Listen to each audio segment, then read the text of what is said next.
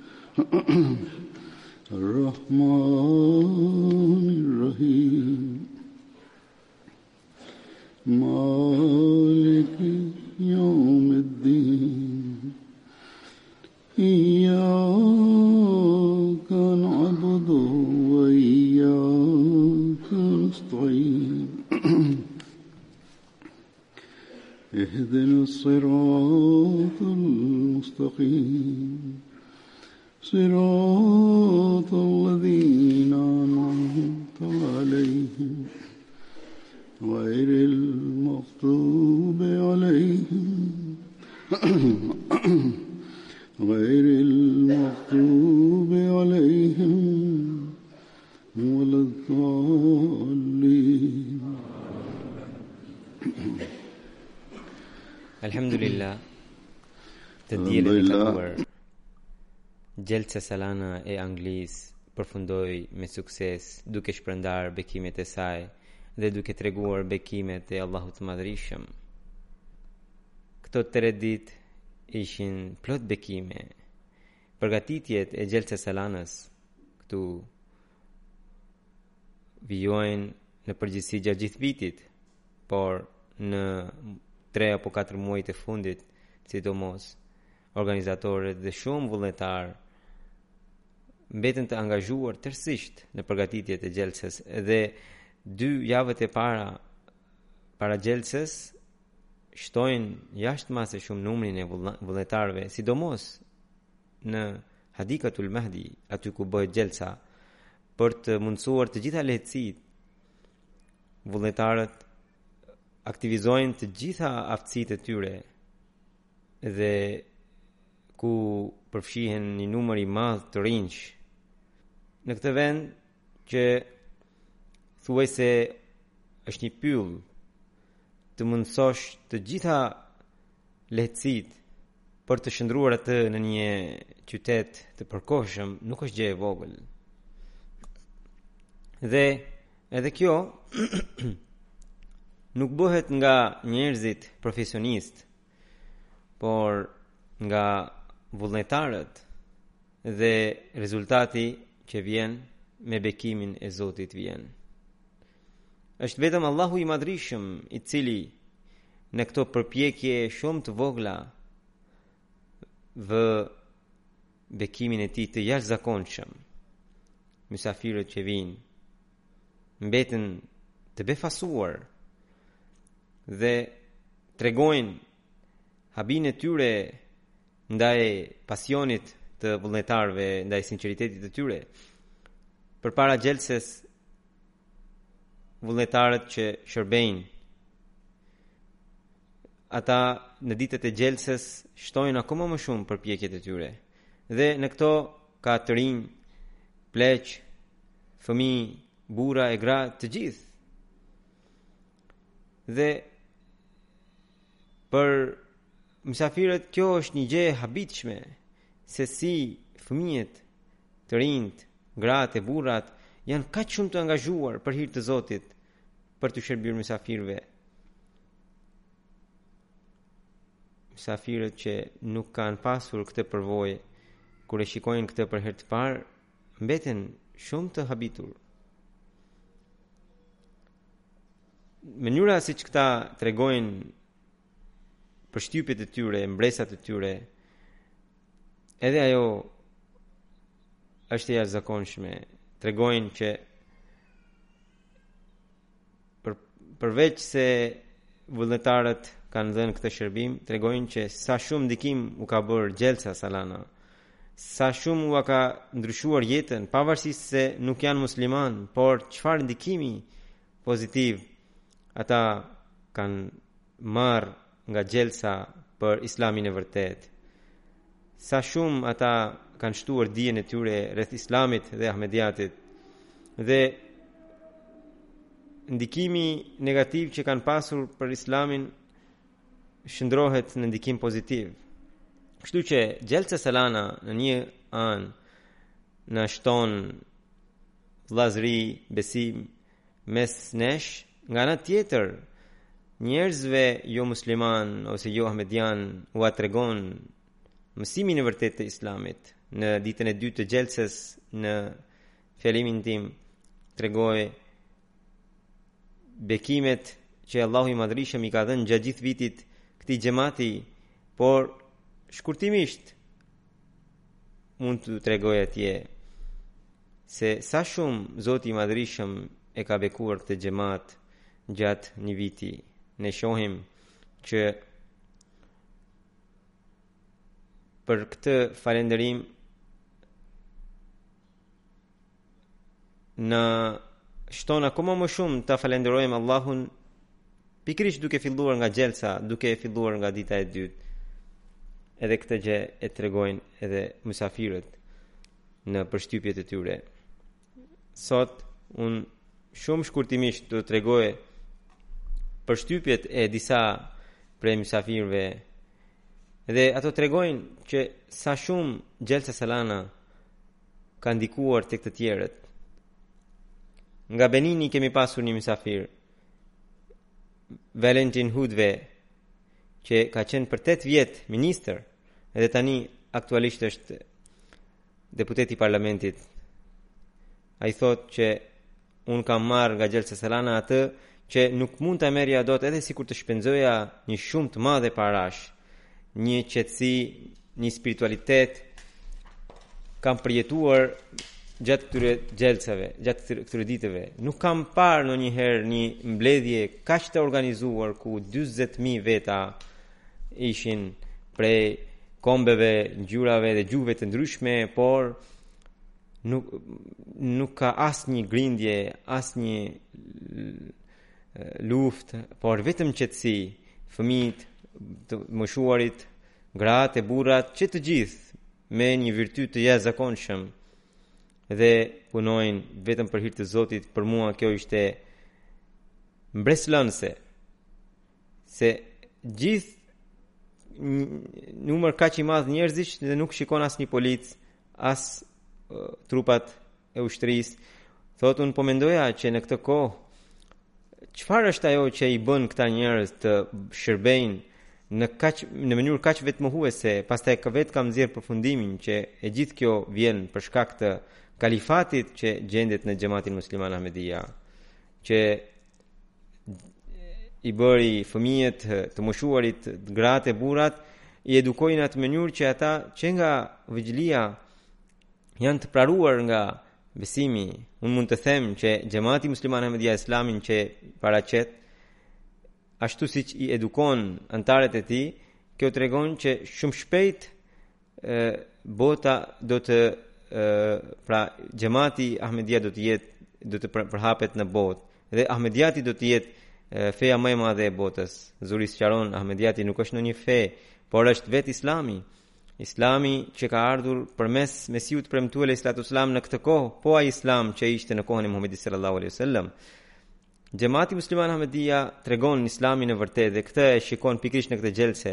Unë po kthehem në vendlindjen time me kujtime shumë të bukura të kësaj xhelse. Për mua këto kujtime janë të paharrueshme. Po nga Benini një tjetër mysafir që Venu Paskël i cili është në një post të lartë në një ministri të Beninit. Thotë, a unë kam marrë pjesë në shumë konferenca, por nuk kam parë ndonjë konferencë kaq të organizuar siç është kjo Xhelse Salana. Kjo xhelsa më, më tregoi se si vullnetarët mund të arrijnë të shërbejnë në mënyrë të përsosur. 40.000 veta ushqehen dhe kjo nuk është gjë e vogël. Ajo që ishte më e habitshme që të gjithë ishin vullnetarët, edhe kuzhinierët, edhe ata që u shërbenin. Nëse do të punohet në të gjithë botën me këtë vullnet, unë mund të them me bindje që bota shumë shpejt do të pastrohet nga luftrat dhe grindjet dhe konfliktet. Unë nuk mund të mbetem pa e lavduar xhematin musliman Ahmedia, fëmija, fëmijet pleqt, të rinjt, gratë e burat që të gjithë janë të organizuar të këtij xhemati.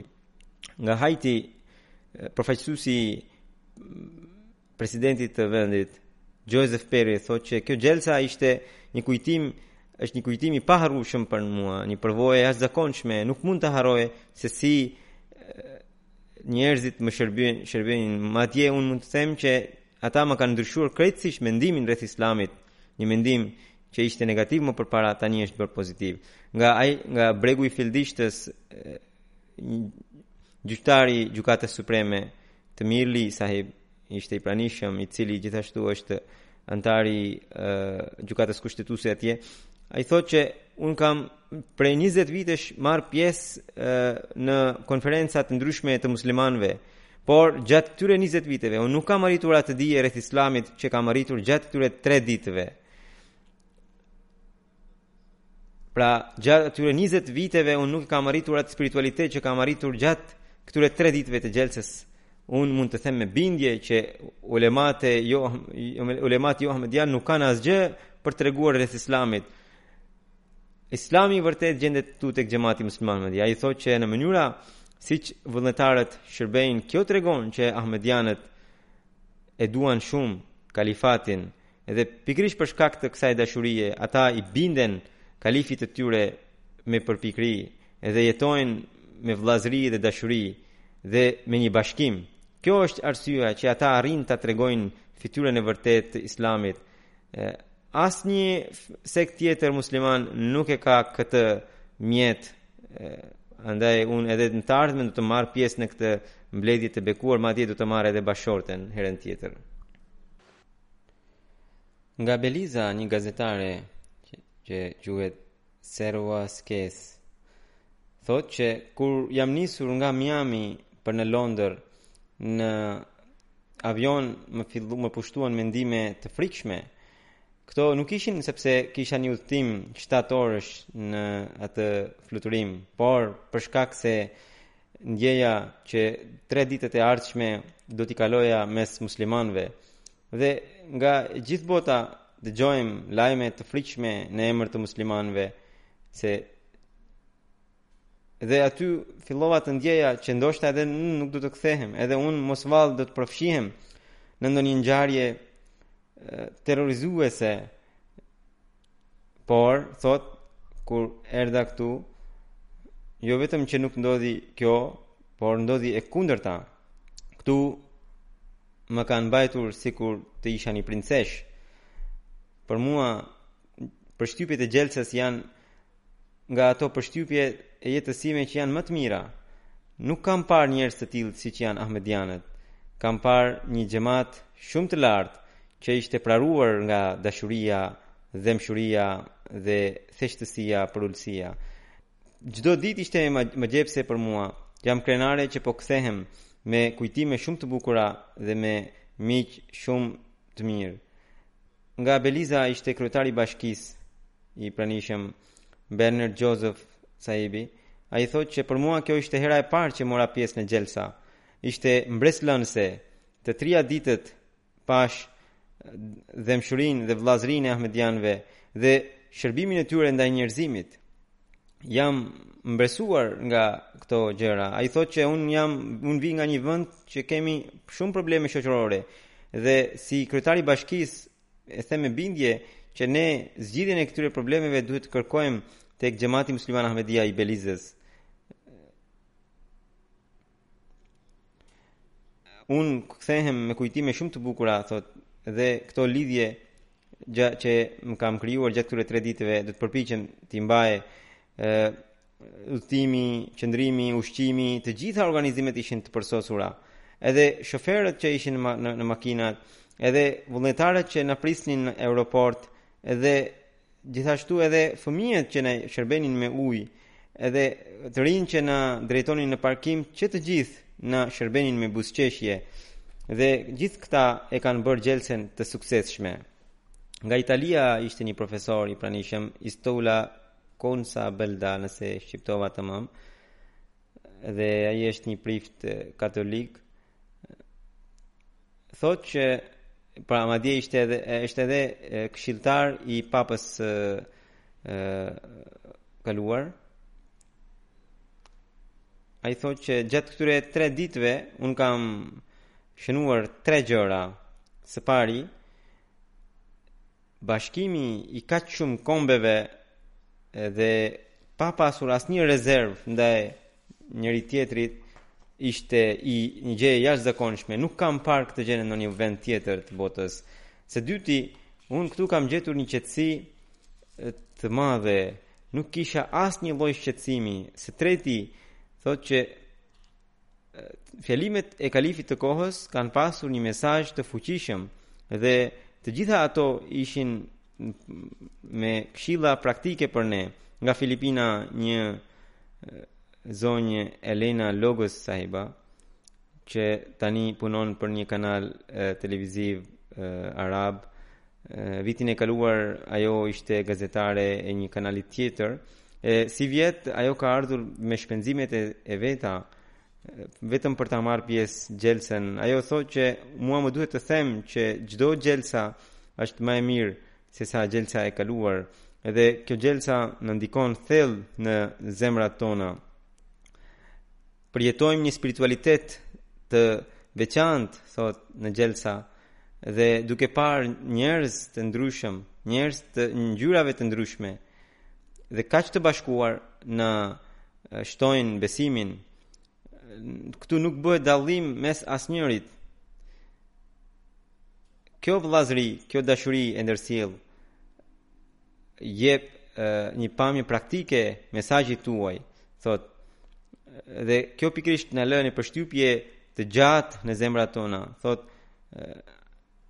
Këtë atmosferë njerëzit kthehen nga kjo xhelsa duke marrë këtë atmosferë dhe duke mbartur zemra të gëzuara, thotë. Mendoj thotë që Xhemati musliman Ahmedia duhet të njihet dhe sa më shumë njerëz duhet të dinë rreth këtij xhemati në mënyrë që ta kuptojnë edhe këtë, që ta shikojnë këtë dashuri dhe vëllazëri me sytë e tyre dhe ta kuptojnë mësimin e vërtetë të Islamit. Nga Japonia ishte një delegacion dhe ishte një zonjë Yokuko Kondo Sahiba Ajo në lidhje me fjalimin tim që kam mbajtur në sallën e grave, thotë që si, duke dëgjuar këshillat e kalifit të kohës, e, kuptova që xhemati musliman Ahmedia është një xhemat praktik dhe nën këshillat e kalifit të tyre po lulëzon. Me të vërtetë, në kjo është koha kur ne duhet të dalim nga jeta e, e, e telefonit dhe të lidhim jo thjesht valët e telefonit, por zemrat me njëri-tjetrin. Ai thotë që e, mendonim gjatë gjithë kohës cila është ajo forcë që i bashkon gjithë këta Ahmedianë edhe përgjigjen e kemi gjetur që ditën e parë e, duke ndjekur fjalimin, fjalimin hapës e cili ishte i cili na tregonte që lutja është ajo që është forca e tyre, forca e këtyre Ahmedianëve. Dhe ne Gjatë tre ditëve, bashkë me ahmedianët jemi lutur vazhdimisht, i jemi drejtuar Zotit dhe kemi kuptuar që pas lutjes e, kemi gjetur një qetësi dhe shpirti ynë u këndell gjatë xhelses ishte nxehtë temperaturat ishin të larta por ne nuk kemi parë ndonjë, ndonjë mungesë organizimi gjithë vullnetarët pavarësisht nga vapa na buzëqeshnin edhe fëmijët edhe ata që pastronin banjot, tualetet që të gjithë e bënin detyrën e tyre me një përkushtim të jashtëzakonshëm lutem që Zoti të mbetet i kënaqur me të gjithë këta të cilët e, po e sakrifikojnë rehatinë e tyre për rehatinë e të njerëzve Një anëtar i po, një një sapo anëtarësuar në xhamat Petris Mia sahib thotë që unë kurrë në jetën time nuk kam parë një xhelse të tillë. Mm, të gjitha programet fillonin në kohën e tyre. Fjalimet, të gjitha temat që ishin ishin të kohës, sidomos ajo që më bëri përshtypje më shumti ishte organizimi i xhelses i cili më dukej sikur e, një makinë që çdo pjesë, çdo pajisje e ka në vendin e vet çdo vullnetar ishte e, mjeshtër për detyrën e tij sidomos më pëlqyen, thotë, ekspozitat ekspozita e Makhzan-e-Tasavir ekspozita e arkivës, ekspozita e Review of Religions, këto ekspozita më shtuan shumë e, dijen rreth e, historisë së Ahmediatit. Dhe thotë që unë falënderoj e Zotin që më bëri të mundur të bashkohesha me këtë xhemat të bekuar. Dhe më pas thotë që pavarësisht nga gjitha këto organizime, Kaq të përsosura, dua të them edhe një mendim timin shumë modest. Pra, ai na tërhoqi vëmendjen për një vërejtje, thotë që ë përveçse në gjuhën angleze, duhet të kemi ca programe edhe në gjuhën fr gjuhën franceze. ë organizatorët le ta shënojnë këtë gjë që Duhet të kemi programe edhe në gjuhën franceze ose të gjitha programet duhet të jenë të përkthyera në gjuhën në këtë gjuhë. Alhamdulillah që bashkë me këto gjëra ne musafirët na tregojnë edhe për dobësitë ose për ndonjë përmirësim.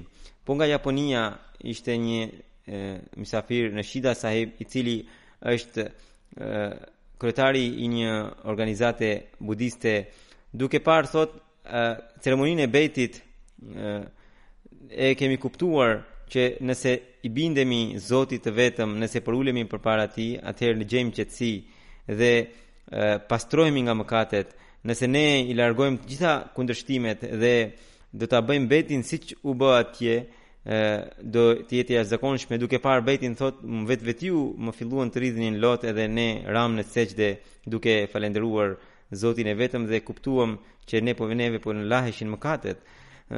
Nga Indonezia ishte një profesor, profesor Momil, thotë që Xhelsa Salana ishte ngjarje mbresëlënëse për mua. Dhe organizimi i saj kërkon një punë të jashtëzakonshme dhe ajo u bë e mundur. Njerëzit ishin nga vendet e ndryshme, kaq shumë, Edhe duket sikur të gjithë ishin ishin bërë një ummet i vetëm. Vullnetarët që shërbenin aty nuk nuk nuk kanë shembull në një organizatë tjetër. Kjo është një dëshmi e madhe që xhemati musliman Ahmedia ka sukses në çdo fushë. Gjatë xhelsës uh, unë kam takuar njerëzit e të gjitha fushave. Disa ishin uh, dhe njerëz të lartë, të fushave shumë të larta dhe secili prej tyre ishte modest, përulur, buzëqeshur.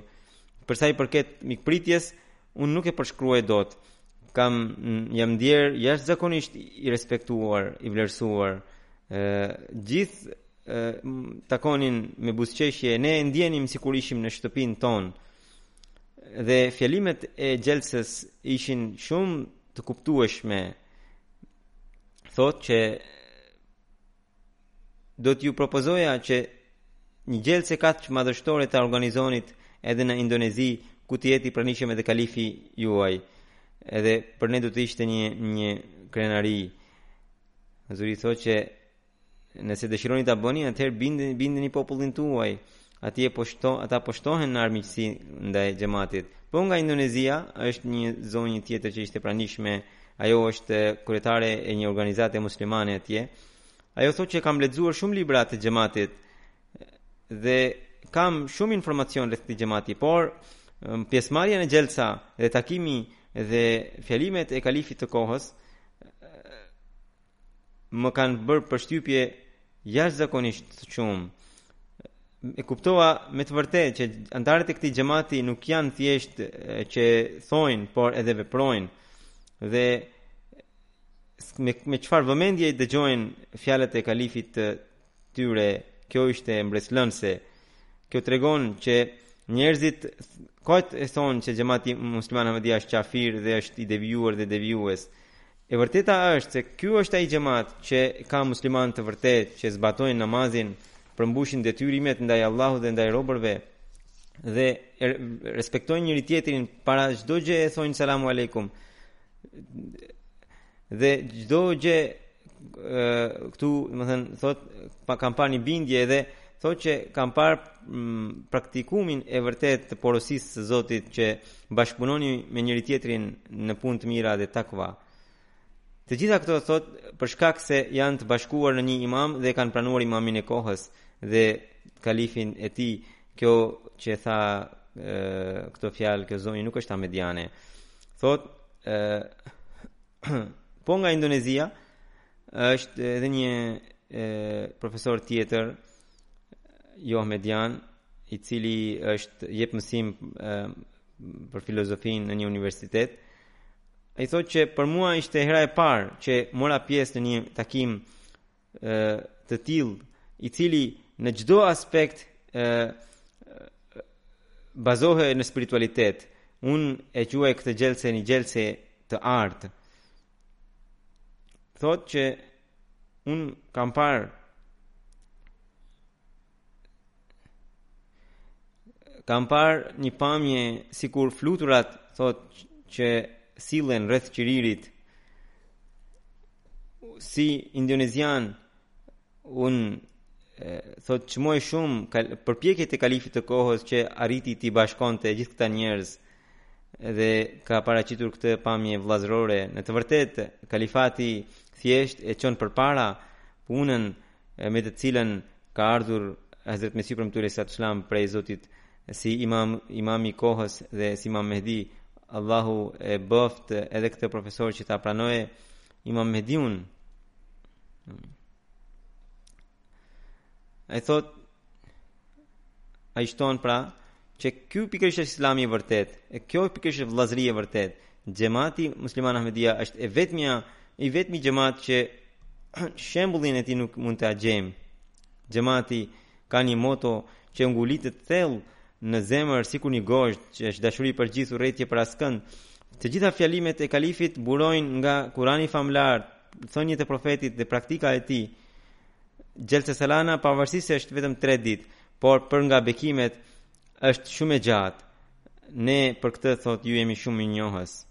Nga Gini Konakri, një kryetar i bashkisë, kryetar i bashkisë së një rrethi, Sarën Bek Kamara Sahiba, ishte zonjë pra, thot që unë nuk kam parë ndonjë takim dhe organizim tjetër më të mirë se sa ky ku njerëzit nga të gjitha vendet ishin të bashkuar dhe jepnin pamjen e përsosur të islamit e, një dëshmi e rrallë e dashurisë dhe vëllazërisë jo vetëm me fjalë por me vepra çdo herë që çdo nevojë që kishim na përmbushej unë i kam dëgjuar thotë të gjitha fjalimet dhe më dukej sikur të gjitha ishin nevojë e kohës Sidomos thotë fjalimet e imamit të këtij xhamati që kishin një rëndësi të jashtëzakonshme. Këshilla që ai ka dhënë thot mikpritësve dhe mysafirëve, nëse ne do t'i zbatojmë, do t'i gjejmë zgjidhjen e të gjitha problemeve që lindin kot edhe Gjatë këtyre ditëve thot, un kuptova që xhamati musliman Ahmedia është i vetmi xhamat që është i bashkuar nën një dorë të vetme dhe ai pikërisht tregon mësimin e vërtetë të Islamit dhe duke u bashkuar me këtë xhamat ne e, sot mund ta përhapim Islamin. A, në fund thot që e, lutuni që Islami paqja të vendoset në në vendin tonë dhe ne ta edhe aty të përhapet Islami i vërtetë. Një gazetar nga Honduras ose Honduras, Manolo Joses, quhet ai, thotë që është gazetar i një televizioni atje, mua më dhanë ftesën për të marrë pjesë në një tubim musliman, atëherë, pata shumë shumë rezerva për shkak të shumë keqkuptimeve, por unë këtu dua t'ju them fuqimisht, që kjo përshtypje e imja e gabuar ka qenë për shkak të mosdijes, si puna ime ka mijëra njerëz që nuk dinë mësimet e Islamit dhe tani pasi e pashë këtë xhelse kam mësuar shumë për Islamin. Atmosfera e xhelses më tregoi që nuk duhet të kesh një përshtypje të gabuar për njerëzit përpara se t'i shikosh, t'i takosh ata. mesazhi i Xhelsa Salanës ishte i paqes dhe ky mesazh duhet të mbërrijë në çdo cep të botës dhe kështu që në këtë xhelsa unë kam pasur mundësi të takoj shumë njerëz dhe e Guate nga Guatemala një gazetare Gladis Ramirez thotë që duke marrë pjesë në këtë xhelse unë jam gëzuar jashtë mase shumë Kam parë mundësinë, kam pasur mundësinë ta shikoj muslimanin, islamin nga afër. Shumë keqkuptime më janë larguar dhe jam e gëzuar që gjeta kaq shumë dashuri dhe respekt në këtë xhelse. Si grua asnjëherë nuk jam ndjerë e vetmuar, e ndieja veten sikur në shtëpinë time dhe e respektuar në sytë e tjetrit. Vëllazëria e ndërsjellë ishte e shfaqur kudo në këtë xhelsa. Pata mundësi të takoja njerëz të vendeve të ndryshme, që të gjithë jepnin mesazhin e paqes. Ata pavarësisht se kishin gjuhë të ndryshme, por ndryshimi i gjuhëve nuk sillte keqkuptime, por tregonte më shumë bashkimin. unë jam i bindur, jam e bindur thotë që xhamati musliman Ahmedia po, po vendos paqe në botë. Po prej atje pra nga Guatemala ishte një fotografer i një televizioni. Për mua thotë ishte një përvojë e paharrueshme Të gjithë janë sjellë me dashuri dhe dhembshuri me mua. Fjalimet më dhanë një shërim në zemër. Praktikisht keni treguar që cilët janë muslimanë praktikantë. Thotë që në 2015-ën jam njohur me xhamatin dhe por këtu duke ardhur këtu kam kuptuar që unë jam në shtëpinë time. Çdokush më respektonte dhe ju si njerëz ndihmoni nevojtarët. Nga kjo xhelse kam marrë mësimin që nëse ne do të bashkëpunojmë përmes dashurisë dhe vëllazërisë mund të bëjmë një revolucion. Nga Meksika, një njeri i sapo anëtarësuar Elizabeth Prera, pra është grua, thotë që kam një vit që kam pranuar xhamatin, Dhe Islami është një fe që në vendin tonë nuk shikohet me mirëkuptim dhe arsyeja është media. Por unë e di që Islami është feja e paqes. Njerëzit e shpisë sime më ndalonin të vija deri këtu dhe më frikësonin, por këtu duke ardhur unë e them me bindje që ata nuk e dinë për çfarë e bëjnë. Tre ditët e xhelses më lanë një përshtypje të jashtëzakonshme. Tani kam shumë dëshirë që të kur të kthehem t'u them familjarëve të mi, tani nuk kam asnjë dyshim që xhamati musliman Ahmedia është Islami i vërtetë. Dhe me këtë unë po kthehem në Meksikë dhe do ta përhap xhamatin atje me sa të ke sa të, sa të ketë mundësi. Po nga Meksika një tjetër an, e sapo anëtarësuar Sovera Nus sahiba ajo thotë që nganjëherë vullnetarët nuk më kuptonin gjuhën por ky moskuptim nuk sillte asnjë lloj keqkuptimi madje përkundrazi Unë e ndjeja sikur të isha në shtëpinë time dhe thotë që e, fjalimet e kalifit të kohës më dhanë një qetësi dhe jam e bindur që e, Zoti i madhërishëm më ka treguar rrugën e drejtë dhe dëshira ime është që ashtu siç më është forcuar besimi edhe njerëzit e shpisë sime ta shikojnë dhe ta pranojnë këtë nga Kameruni Muhammad Mubahu Aziz Sahibi thotë që unë isha edhe vitin e kaluar në Xhelsa Salana, sivjet, thuajse të gjitha departamentet kanë përparuar më mirë sesa vjet dhe ushqimi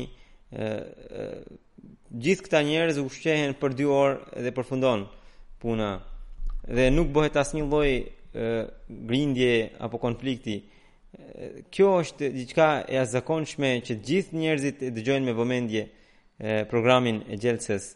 Të rinjtë siç shërbejnë nuk ia gjejmë dot shembullin. Ai xhamat që ka të rinj të tillë patjetër që përparon. Ai ai thotë që unë jam gazetar me profesion takova edhe stafin e MTA-s, më lanë një përshtypje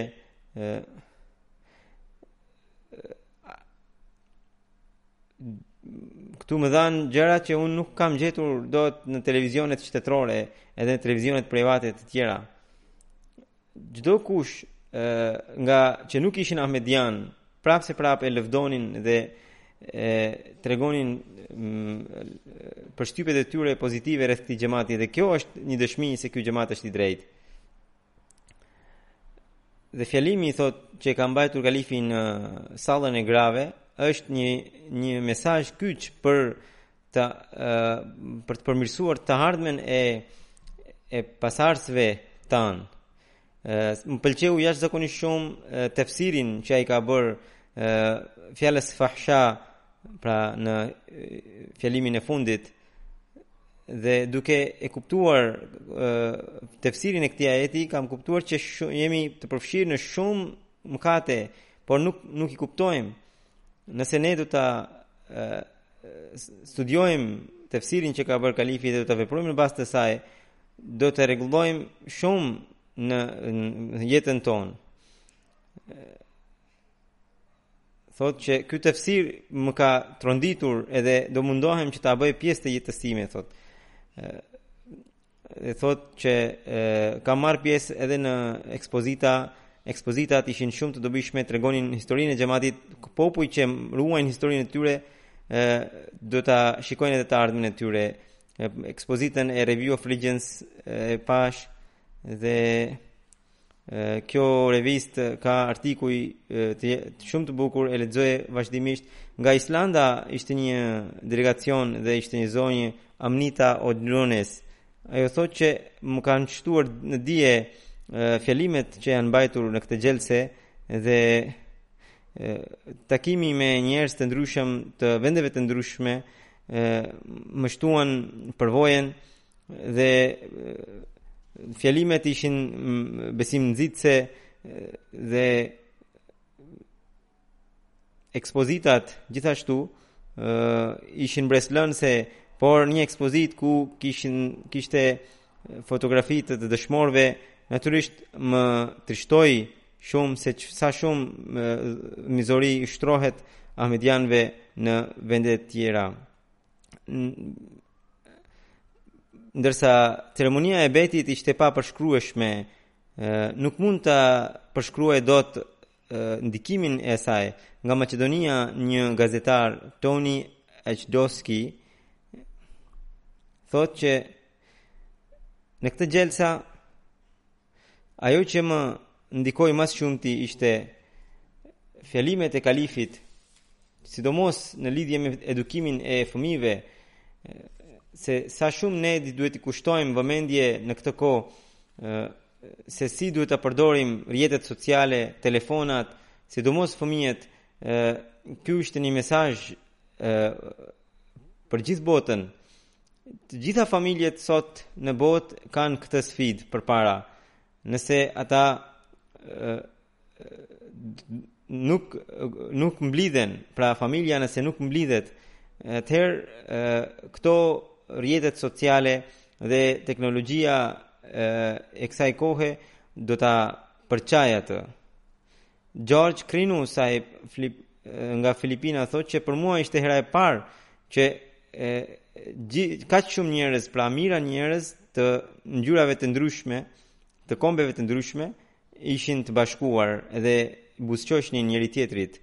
Dhe mbi të gjitha, bashkimi i të gjithë atyre ishte vetëm Dashuria për hir të dashurisë dhe për hir të vendosjes së vlerave njerëzore. Si gazetar thotë, unë kam parë shumë takime, por një takim që më dha kaq shumë qetësi dhe njohuri nuk kam parë ndonjëherë më parë.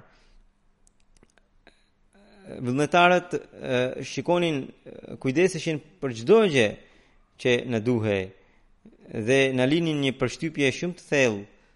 Ajo thë, ai thotë që qoftë për trafik, qoftë për e, shërbimin që na bënin duke na dhënë ujë ose lëngje të ndryshme për shkak të vapës, qoftë në aktivitete të ndryshme, të gjitha këto më kanë lënë një përshtypje të thellë dhe më kanë dhënë një këndvështrim të ri për të kuptuar jetën. Xhelsa Salana për mua ka qenë një gur kilometrik në jetën time, se unë kam pasur mundësinë të shikoj nga afër një kulturë, një ë një kulturë që unë nuk e kam në vendin tim. Nga Greqia, Marsia Manter thotë që përshtypjet e Xhelsës nuk mund të përshkruhen në fjalë. 38.000 veta luten me kaq shumë përkushtim dhe shprehin dashuri dhe vëllazëri ndaj njëri tjetrit Këto gjërat më kanë rritur shpresat dhe si bashkëjetesa mund të bëhet edhe në këtë kohë kaq të trazuar. Nga Kanadaja ishin të pranishëm anëtarë të pra indigjenët që quhen First Nation atje, pra ishte një delegacion i tyre, ata kishin ardhur madje me veshjet e tyre kombëtare me një kurorë që siç veshin ata në kokë ishin tre krerë dhe ishte një ishte kryetari i të rinjve të tyre Max Fend pra kryetari i të rinjve thotë që më ka më ka bërë shumë përshtypje puna e vullnetarëve e të rinjve. Kur të kthehemi në Kanada, do të sa më parë të bëjmë programe të përbashkëta me Khudam të xhamatit Ahmedia atje, sepse uh, ata janë të mjeshtër dhe shumë të përparuar në këtë drejtim. Uh, këto gjëra Khudamët duhet t'i shtojë akoma më shumë në falënderim ndaj Allahut. Huzuri thotë. Pastaj ky pra një një kryetari i tyre thotë që unë kam shumë unë pi shumë duhan thotë dhe madje fisi ynë njihet për për për pirjen e duhanit madje ne e kemi këtë si pjesë të riteve fetare sepse sipas fesë sonë Thotë, e, duhani e, na rrit spiritualitetin. Por fjalimi i parë i kalifit ka qenë që në fjalimin e parë kalifi na bëri e, na tërhoqi vëmendjen që të e, heqim dorë nga e, duhani gjatë këtyre ditëve Dhe uh, unë edhe shumë të tjerë unë kam parë që e kemi zbatuar këtë porosi dhe jam habitur që kjo nuk ishte e pamundur. Më than, më tha edhe një një një tjetër, një njeri tjetër që njerëzit që udhëtojnë në avion 10-12 orë rresht ata nuk lejohen të pinë duhan. Kështu që nëse njeriu arrin të frenojë veten, pse mos të bëjë një gjë të tillë në xhelsa, ku ai do të edhe shpërblehet prej Zotit?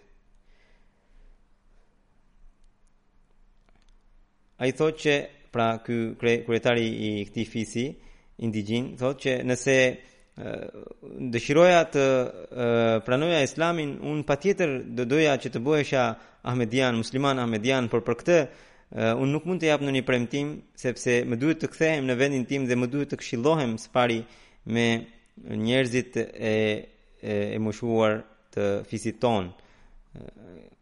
sepse ata në fakt ruajnë shumë traditën e tyre.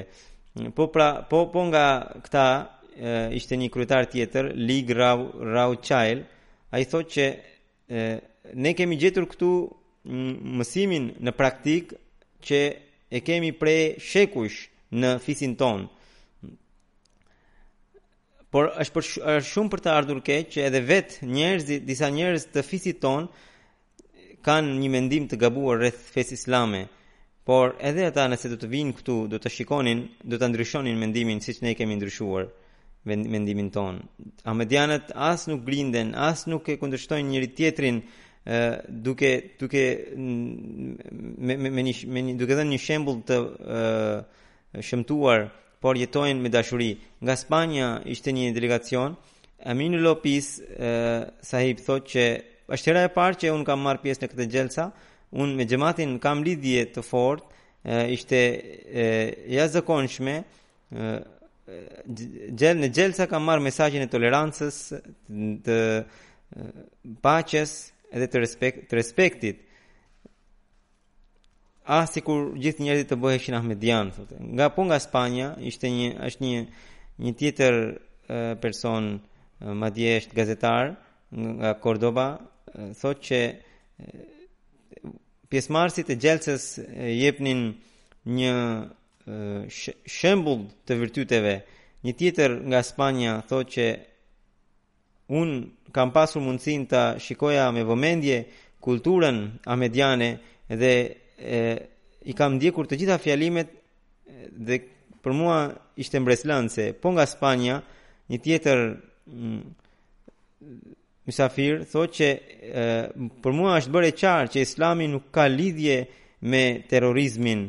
Përkundrazi, Islami është fe e paqes. Nga Xhamajka, Është një zonjë që erdhi këtu Oido Elizabeth dhe ajo është ekonomiste, ishte shumë intelektuale. Ajo thotë që unë kam 5 vjet që jam në kontakt me xhematin, por është hera e parë që mora pjesë në Xhelsa Salanën.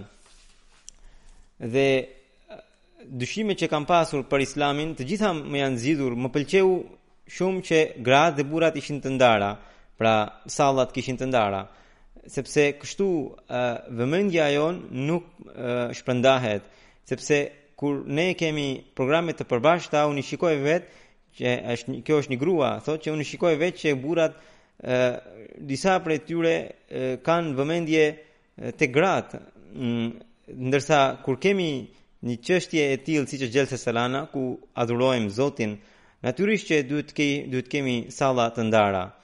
Kështu që nëse kjo ishte përshtypja e saj, duhet të mendojnë edhe ahmedianët, gratë ahmediane, që nuk duhet të kenë asnjë kom, kompleks inferioriteti.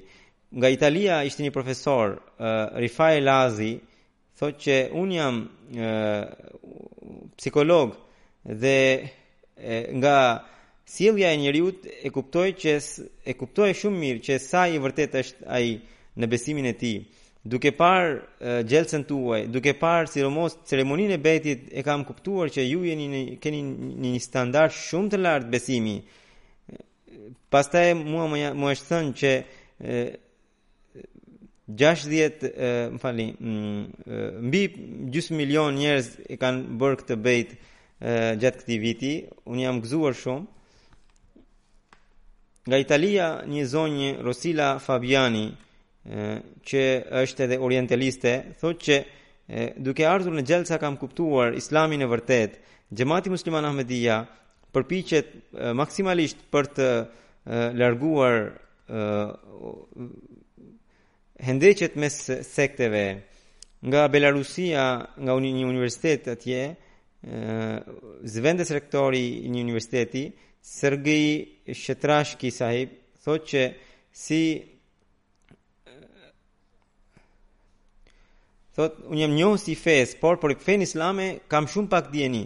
Për këtë arsye, pjesëmarrja në këtë gjelsa më ka lënë një përshtypje të thellë, sepse për një kohë shumë të shkurtër kam arritur të kuptoj se islami është një fe ndërkombëtare dhe thotë që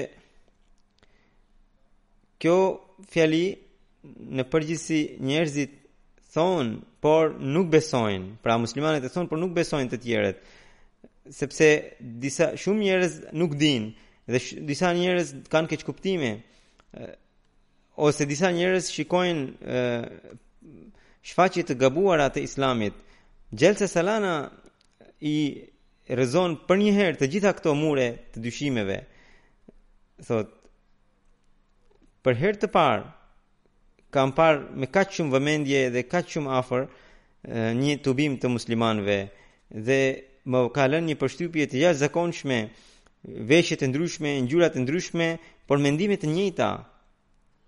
Organizaj, organizimi, organizimet e gjelsës ishin të jashtëzakonshme ne nëse bëjmë një mbledhje me për 200 veta, ajo bëhet e padurueshme. Por këtu 38 mbi 38000 veta ë uh, ushqeheshin dhe rrinin në një atmosferë tejet të këndshme. Unë me me shumë dëshirë do t'i falenderoja, t'i falenderoja gjithë vullnetarët. Në lidhje me vullnetarët, dua të shtoj edhe këtë që edhe sivjet nga Kanadaja kemi pasur 140 hudam pra të rinj të cilët shërby, do të shërbenin për palosjen përveç këtyre pra këto ishin përveç atyre të rinjve që kanë qenë nga Anglia kështu që i falenderoj edhe ata përveç tyre Departamenti i Tabligut i Anglisë ka organizuar disa seminare, takime, pyetje-përgjigjesh dhe përveç kësaj edhe pesë ekspozita, një ekspozitë ishte për Kur'anin famëlartë ku paraqiti Kur'ane të ndryshme shumë të bukura për të spikatur mësimet e bukura të Kur'anit. Gjithashtu ishte një një një konkurs për uh, fjalime rreth profetit Muhammed sallallahu alaihi wasallam. Kjo ishte si përgjigje e fushatës uh, së urrejtjes ndaj profetit sallallahu alaihi wasallam e të organizuar nga një politikan holandez.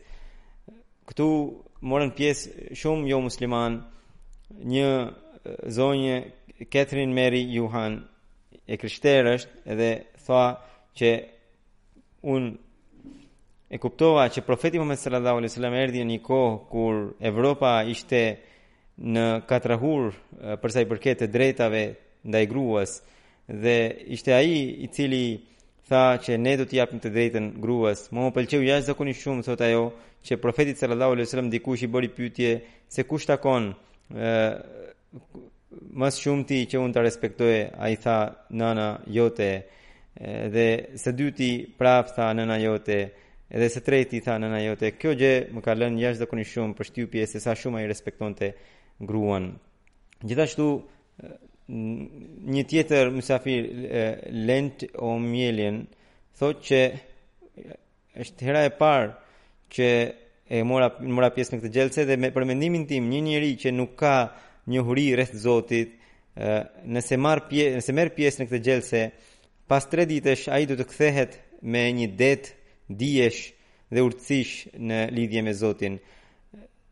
Xhelsa u mbulua nga media në mënyra të ndryshme edhe webfaqja jonë Al Islam u vizitua um, më shumë se 862.000 herë edhe videot e xhelses janë parë më, sh, më shumë se 200.000 herë gjithashtu edhe gazetat uh, online dhe gazetat e shtypura uh, dhanë lajmin e xhamatit 53 gazeta të tilla ndërsa 20 radio dhe 4 televizione dhanë lajmin këtu në Evropë në në Angli kështu që 70 raport reportazhe përmes të cilave 26 milion njerëz duhet të kenë marrë mesazhin e xhamatit televizioni i famshëm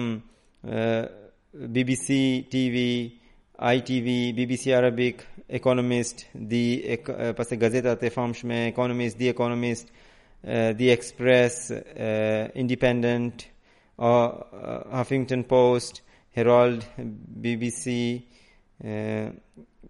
Capital Radio, Alton, Herald London dhe 19 stacione rajonale të BBC-së dhanë lajmin e, e xhelses ditën e 2 dhe ditën e 3 dhe kjo tek shumë njerëz që çoi mesazhin e xhamatit. Një gazetar thotë që ë pra ishte nga Japonia, thotë që më la përshtypje të thellë ceremonia e bejtit se si Ahmedianët po qanin me dënesë gjatë gjithë kohës ata kanë qenë të buzëqeshur, por në atë kohë po qanin pyeta dhe më thanë që Ahmedianët para njerëzve buzëqeshin kurse kur dalin përpara Zotit qajnë me dënesa duke e falënderuar dhe duke adhuruar atë duke ju duke ju lutur atij. Një tjetër gazetare thotë që unë isha edhe vitin e kaluar, por nuk e, shkova dot në sallën e grave. Sivjet shkova atje dhe më duhet të them që gratë tuaja janë më të arsimuara sesa burrat tuaj. E, ato ishin shumë të sinqerta Dhe për mua ishte një një një për një përvojë e jashtëzakonshme. Në Afrikë gjithashtu u bë një mbulim shumë i madh mediatik i kësaj xhelseje 15 televizione kanë dhënë lajmin e xhelses këtu përfshihen vendet Ghana, Nigeria, Sierra Leone, Gambia, Rwanda, Burkina Faso, Benin, Uganda, Mali, Kongo Brazil dhe për herë të parë edhe Burundi Television, Burundi Television thotë. Dhe gjithashtu edhe gazetarët dhanë lajmet e tyre nëpër faqet e tyre.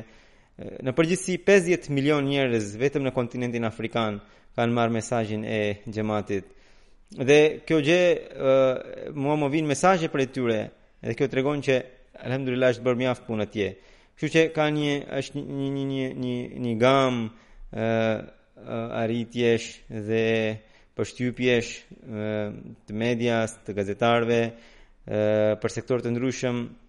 Gjithashtu edhe ekspozitat e Al-Hakamit dhe Review of Religions kanë luajtur rolin e tyre për t'i treguar njerëzve historinë e xhematit. Edhe vullnetarët edhe këto ekspozitat kanë bërë një tablig të heshtur dhe të gjithë ishin vullnetarë siç ju keni parë edhe nga përshtypjet që të gjithë këta vullnetarë ishin misionarë të heshtur edhe fëmijët edhe gratë sidomos këtë vit, në përgjithësi, të gjithë pjesëmarrësit, thojnë se në përgjithësi vullnetarët kanë pasur një e, standard shumë të lartë dhe sjellje të jashtëzakonshme ndaj mysafirëve. Prandaj të gjithë pjesëmarrësit pasi ta falënderojnë Allahun e Madhërishëm, duhet t'i falënderojnë edhe këta vullnetarët dhe duhet të luten që këta gjithmonë të bë, të mbeten ndihmëtarë të kalif, kalifatit Ahmedia. Unë personalisht dua t'i falenderoj gjithë vullnetarët dhe vullnetaret. Allahu i shpërbleftë dhe i bëftë në të ardhmen që të shërbejnë më shumë sesa tani dhe gjithmonë ata të mbeten ndihmëtarë të kalifatit Ahmedia. Të gjithë vullnetarët duhet ta falenderojnë Zotin Dhe më së shumti, pra duhet ta falenderojnë Zotin dhe e, se pse sepse Allahu u dha mundësi që ta bënin këtë shërbim dhe e, duhet të nuk kjo të gjitha këto lëvdata nuk duhet t'i shtojnë aspak në në mburrje Allahu i bëftë mirënjohës të gjithë vullnetarët ndaj Zotit